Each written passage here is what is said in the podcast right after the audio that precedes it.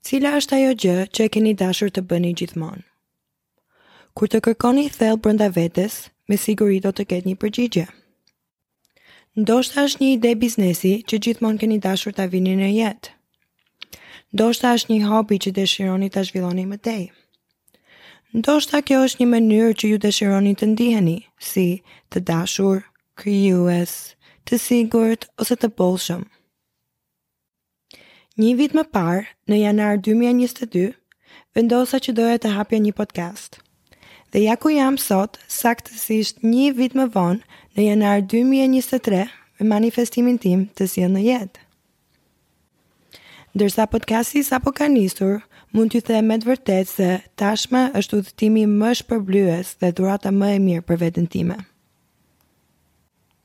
Pikërisht një vit më parë, krijova një sfidë për veten time që e quajta Sfida Njëvjeçare, në të cilën u zotova se do qëndroja e përkushtuar në arritjen e qëllimit tim për një vit të tërë, pavarësisht çdo pengesë që do hasja. Si rezultat, fitova shumë më tepër se një podcast. E gjeta mësuesen brenda vetes. Unë shpalosa njeriun tim të brendshëm, Zbulova fuqinë time autentike dhe më e rëndësishmja, forcova lidhjen time me universin. Tani ka ardhur koha që ju t'i jepni vetes leje për të ndjekur ëndrrat tuaja. Ju meritoni të shihni se çfarë do të ndodhte nëse do të paraqiteni vazhdimisht për veten tuaj për një vit. Më beso kur them, vetja jote e së ardhmes, pikërisht një vit nga sot, do t'ju falënderojë shumë.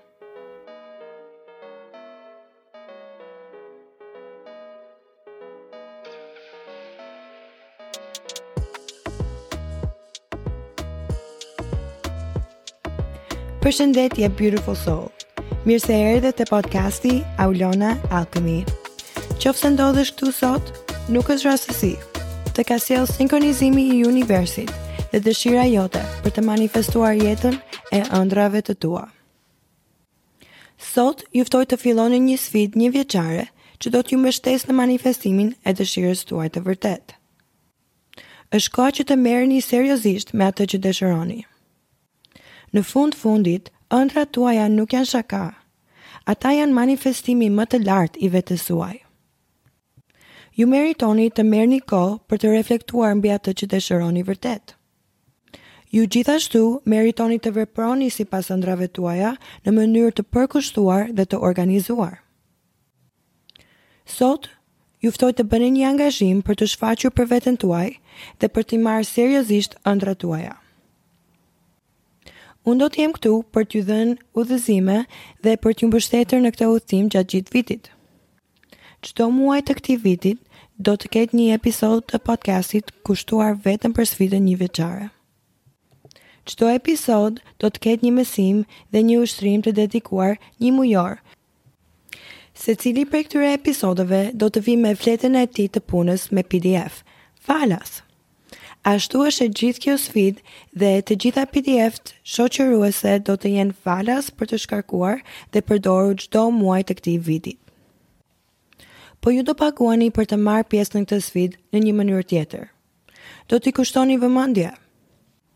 Më lejoni t'ju tregoj diçka rreth etikës së podcastit Aulona Alchemy. Si hosti juaj, e shoh vëmendjen tuaj si dhuratën dhe madje monedhën më të vlefshme. Jo vetëm sepse mbështet drejtpërdrejt rritjen e podcastit tim, por sepse vërtet e vlerësoj besimin tuaj tek unë dhe gatshmërinë tuaj për t'u paraqitur për ëndrrat tuaja. Kjo me të vërtetë më motivon të shfaqem për ju një milion herë më shumë. Unë e kam krijuar këtë podcast në mënyrë që mendimet tuaja, përvojat dhe zërat tuaja të kenë rëndësi për mua. Kështu që në këmbim të vëmendjes dhe angazhimit tuaj ndaj kësaj sfide për një vit të tërë, Do të ndaj çdo muaj këtë vit mësime të paçmueshme që do t'ju udhëzojnë për të arritur qëllimin tuaj dhe do t'ju çojnë në udhëtim të thellë të vetëzbulimit. Unë do të ndaj këshilla të sinqerta dhe do bëhem e pambrojtur dhe personal me ju. Unë kam krijuar gjithashtu fletë pune super argëtuese dhe falas për të shkarkuar që do ta bëjnë të gjithë procesin të këndshëm për ju. Do t'i mbledh pyetjet tuaja gjatë rrugës dhe do t'u përgjigjem atyre në podcast. Së fundmi, këto janë të vetmet episode të podcastit Aulona Alchemy që të publikohen në anglisht dhe në shqip, sepse besoj se ky program është aq i fuqishëm sa dua që të arrijë sa më shumë njerëz. Sfida njëvjeçare është një program që kam krijuar për veten time, duke kombinuar mentalitetin e menaxhimit të projektit që përdor në punën time të përditshme, duke punuar si inxhiniere ndërtimi dhe njohuritë e mia për manifestimin që kam fituar gjatë viteve si student shpirtëror. Bëhuni gati dhe emocionohuni sepse ky program është vërtet i fuqishëm dhe efektiv. Unë dua që ju ta mendoni këtë si një dhuratë që po i bëni vetes.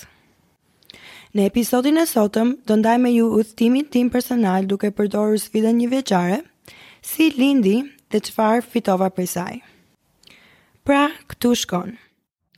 Siç bëjmë shumë prej nesh në fillim të një vit të ri, në janar 2022 u ula të mendoja për qëllimet e mia për vitin e ardhshëm. E dija që doja të hapja një podcast sepse kisha menduar për të për një kohë. Kështu që e shkrova atë. Pastaj, ngrita sytë nga fletorja ime dhe m'u duk se duhej të merrja pak kohë për të reflektuar mbi disa nga synimet e mia dhe projektet e mia personale nga vitet e mëparshme. E shihni, unë kam dashur të filloj biznesin tim për aq sa mbaj mend. Kështu, katër vitet e fundit i kisha kaluar në Dubai duke u përpjekur të nisja shumë projekte të vogla që shpresoja do të ktheheshin në biznese. Kalova orë të panumërta pas punës, vetëm duke hulumtuar industri të ndryshme, duke bërë plane biznesi, duke u lidhur me rrjete, duke ndjekur kurse, duke mësuar programe kompjuterike, duke investuar kohën dhe paratë e mia në projekte që përfundimisht arritën të gjitha në dështim. E dija që nuk më mungonin përpjekja sepse isha zhytur vërtet në këto projekte të kaluara dhe ndjeva sikur kisha dhënë zemrën dhe shpirtin tim. Pra, çfarë po shkonte keq? Ideja se mund të jepja kaq shumë nga shpirti im përsëri, vetëm që mos më çonte askund, më bënte të ndihesha më e mundur sesa e emocionuar. Për shembull, kam marrë kohë për të mësuar Adobe Premiere Pro me shpresën për të filluar një kanal në YouTube.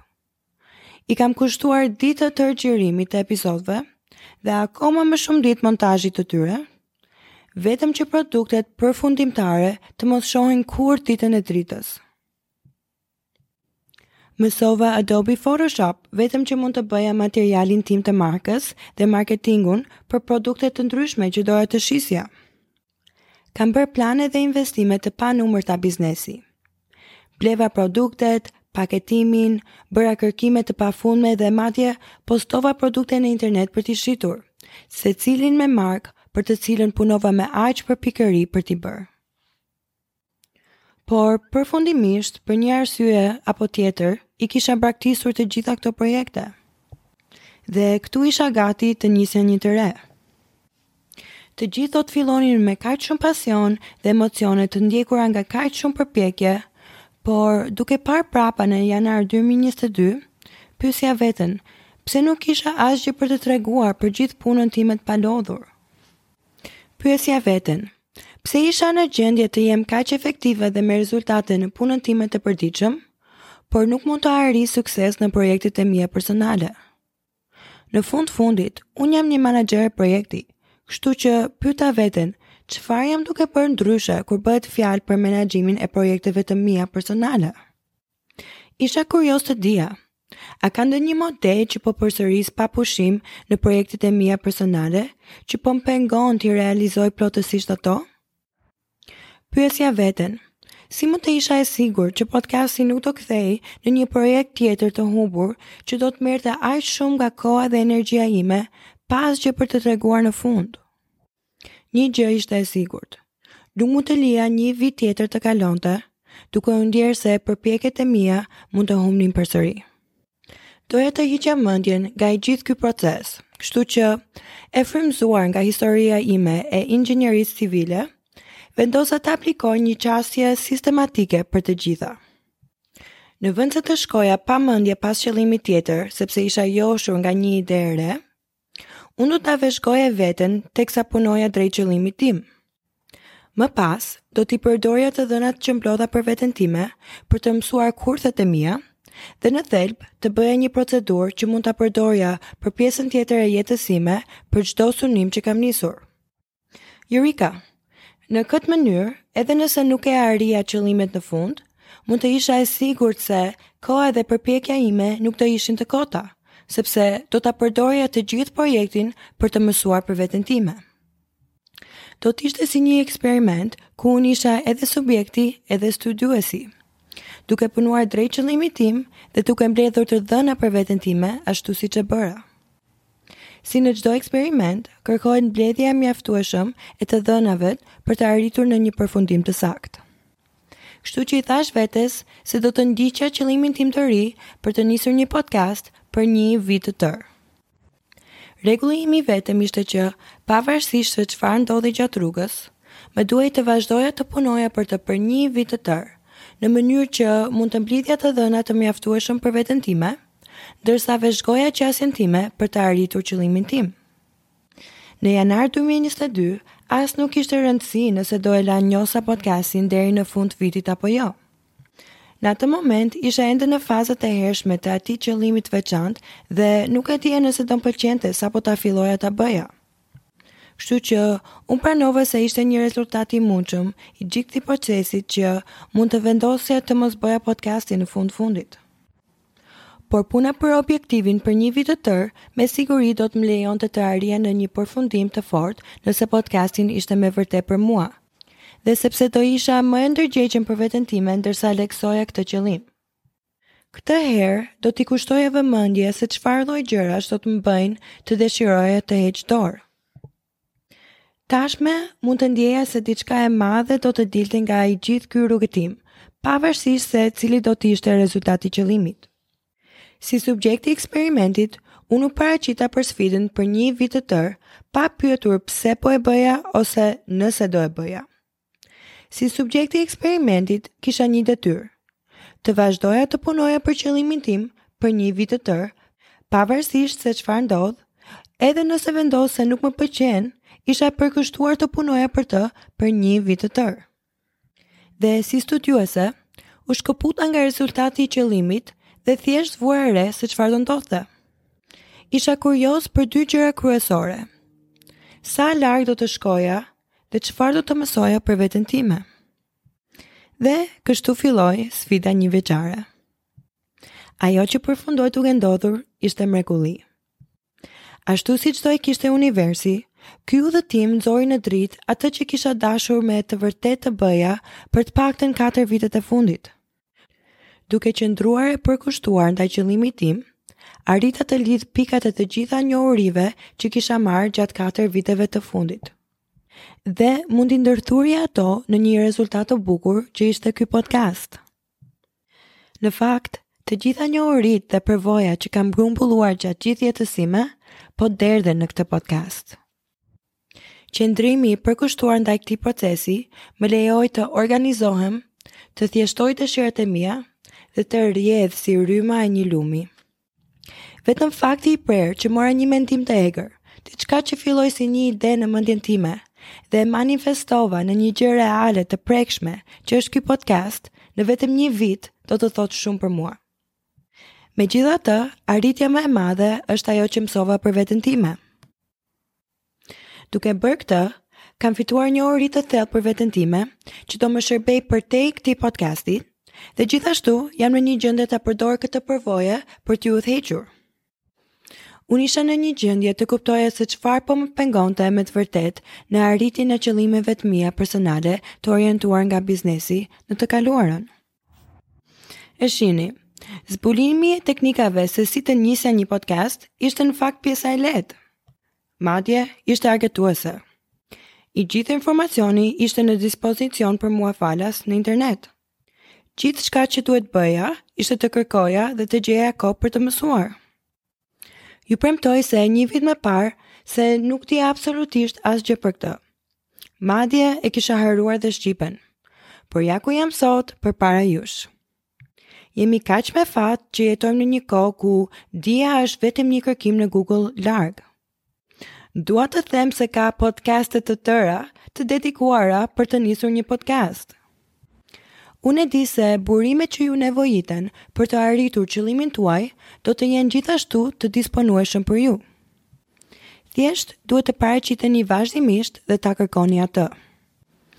Ky podcast dhe fletët e punës pdf shoqëruese, falas, që do të shoqërojnë sfidën njëvjeçare, janë një nga burimet në dispozicionin për ju. Ju jeni tashmë në rrugën tuaj për të arritur qëllimin tuaj vetëm duke dëgjuar këtë podcast pikërisht në këtë moment. Pra, nëse pjesa teknike e projektit tim personal ishte e lehtë, atëherë cila ishte pjesa e vështirë?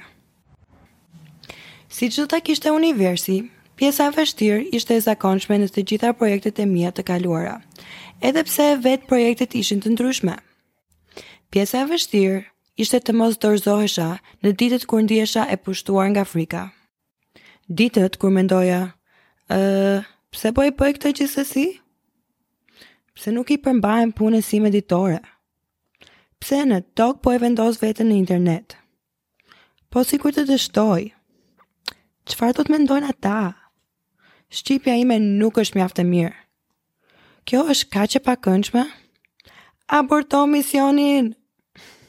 E shihni, pa marrë parasysh se çfarë synoni të bëni, me siguri do të keni edhe ditë të tilla. Është pjesë e procesit të rritjes dhe vjen si rezultat i krijimit të diçka të re. Ky është truri juaj që përpiqet t'i rezistojë ndryshimeve dhe t'ju mbajë në zonën tuaj të rehatisë. Në përpjekjen për t'i rezistuar ndryshimit, truri dhe trupi juaj do të shfaqin pasiguritë tuaja më të mëdha. Ato që as nuk e dinit se po lundronin në nëndërgjegjen tuaj. Dhe pjesa më e vështirë e pjesës e vështirë është se frika, pasiguritë dhe besimet tuaja kufizuese maskohen si pengesa kryesore në udhëtimin tuaj. Ata do t'ju bëjnë të mendoni se ka mbaruar, kur në fakt nuk është. Dhe pa e ditur, kjo është arsyeja pse shumica e njerëzve heqin dorë nga ëndrrat e tyre. Pjesa më e vështirë për të ndjekur ëndrrat tuaja është të gjeni një mënyrë për të kapërcyer frikën dhe pasiguritë tuaja. Është të shkosh lart kur nuk mendon se mund të shkosh më tej dhe të thyesh tavanin prej xhami në mënyrë që të arritësh lartësi të reja. Duhet kohë për të njohur dhe shëruar mendimet tuaja të bazuara në frikë dhe traumat tuaja pa iu dorëzuar atyre. Pritet që ato do të ndodhin dhe duhet të keni një sistem për t'ju mbështetur kur të ndodhin. Sfida njëvjeçare e bëri që unë nuk kisha zgjedhje tjetër, veçse të trajtoja të gjitha mendimet kufizuese, të bazuara në frikë, që u shfaqën në udhëtimin tim. Më parë, ato kishin mjaftuar për t'i dhënë fund projekteve të mia. Por, këtë herë ishte ndryshe, sepse për të vazhduar eksperimentin tim, më duhej të kërkoja zgjidhje për çdo problem. Këtë herë, sa herë që përballesha me një problem që më sillte në fund, në vend se të vazhdoja jetën time, isha shumë e ndërgjegjshëm për atë që po më bënte të ndaloja, sepse isha e angazhuar ta vazhdoja edhe në ditët kur gjithçka ndihej kaq e pakëndshme. Në fund ditës, gjithmonë i kujtoja vetes se ishte një sfidë dhe duhej të vazhdoja edhe vetëm për të parë se ku do përfundoja në fund. Kështu që në thelb, mora rolin e menaxherit të projektit dhe e aplikova atë në jetën time. Kjo do të thoshte se më duhej të kërkoja një zgjedhje për çdo pengesë dhe të gjeja mënyrë për të rikthyer projektin në ecje, duke përfshirë edhe rastet kur pengesa me të cilën përballesha ishte një nga pasiguritë e mia. Ndalimi nuk ishte një opsion, sepse në fund fundit në këtë sfidë kisha vetëm një rregull, vazhdo për një vit të tërë, pavarësisht se çfarë ndodh, pa u dorëzuar. Pra, tani është radha juaj për të nisur këtë udhëtim jashtëzakonisht të dobishëm. A nuk jeni kurioz të dini se sa larg mund të shkoni nëse paraqiteni për veten tuaj për një vit të tërë? Jepini vetes dhuratën për të gjetur mësuesin tuaj brenda. Më mirë nga të gjitha, unë do të jem aty për t'ju udhëhequr gjatë gjithë programit. Faleminderit shumë që ndoqët hyrjen e sfidës njëvjeçare. Tani, nëse jeni gati për të filluar, ju ftoj të bashkoheni me mua në episodin e radhës, ku do zbulojmë më shumë për sfidën njëvjeçare. Dhe, siç është premtuar, ekziston një PDF jashtëzakonisht argëtues dhe falas që shkon së bashku me të.